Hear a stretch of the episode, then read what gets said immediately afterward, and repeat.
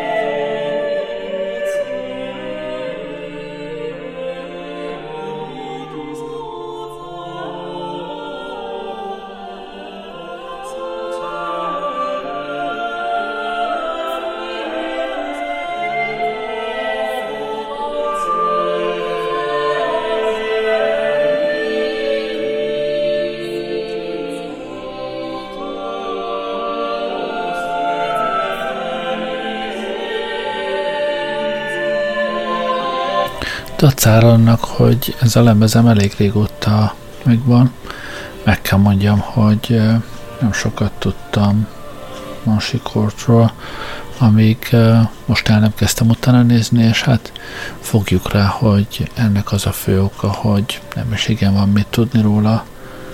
A reneszánsz szerzők boldog eseménytelen életét élte. Nyilván nem azért nem tudtam róla semmit, mert nem néztem eddig utána.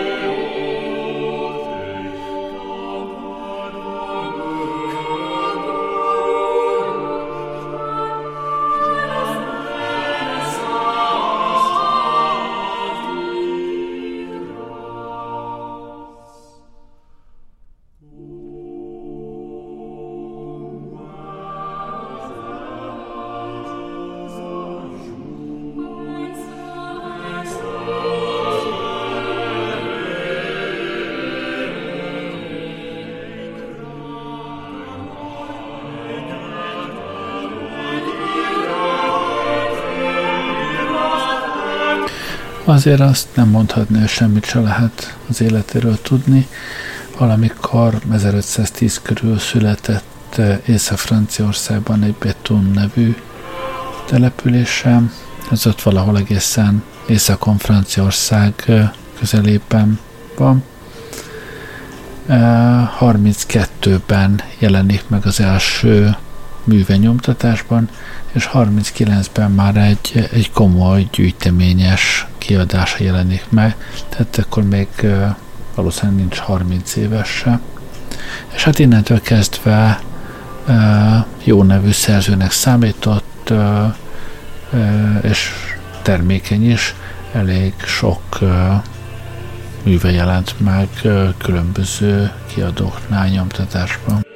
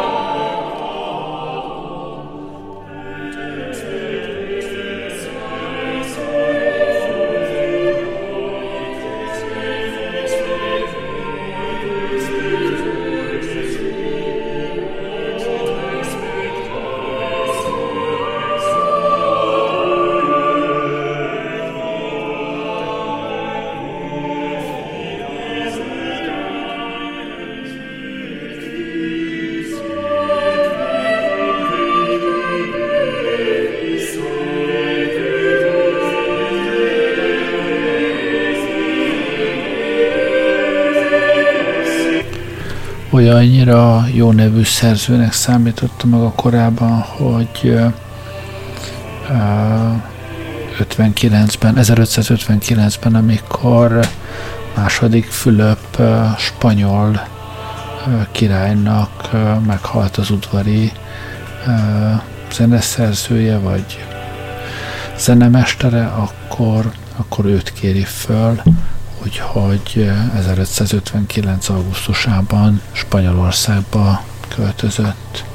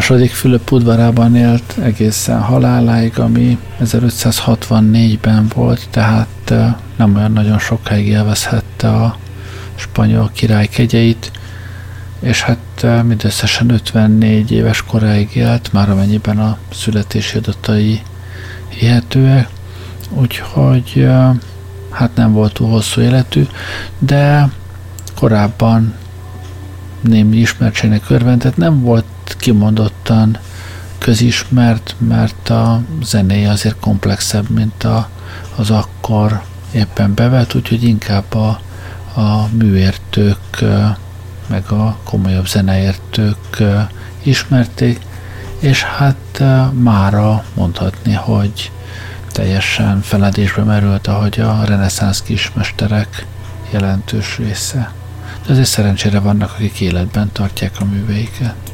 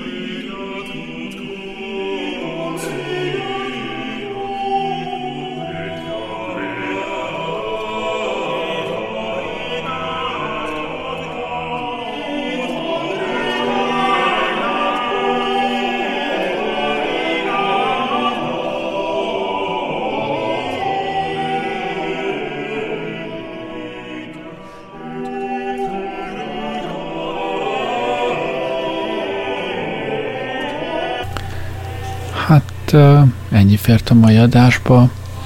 Remélem, hogy ezen túl, ha azt halljátok, hogy Pierre de Mansikort, akkor fogjátok tudni, hogy milyen remek szerző volt.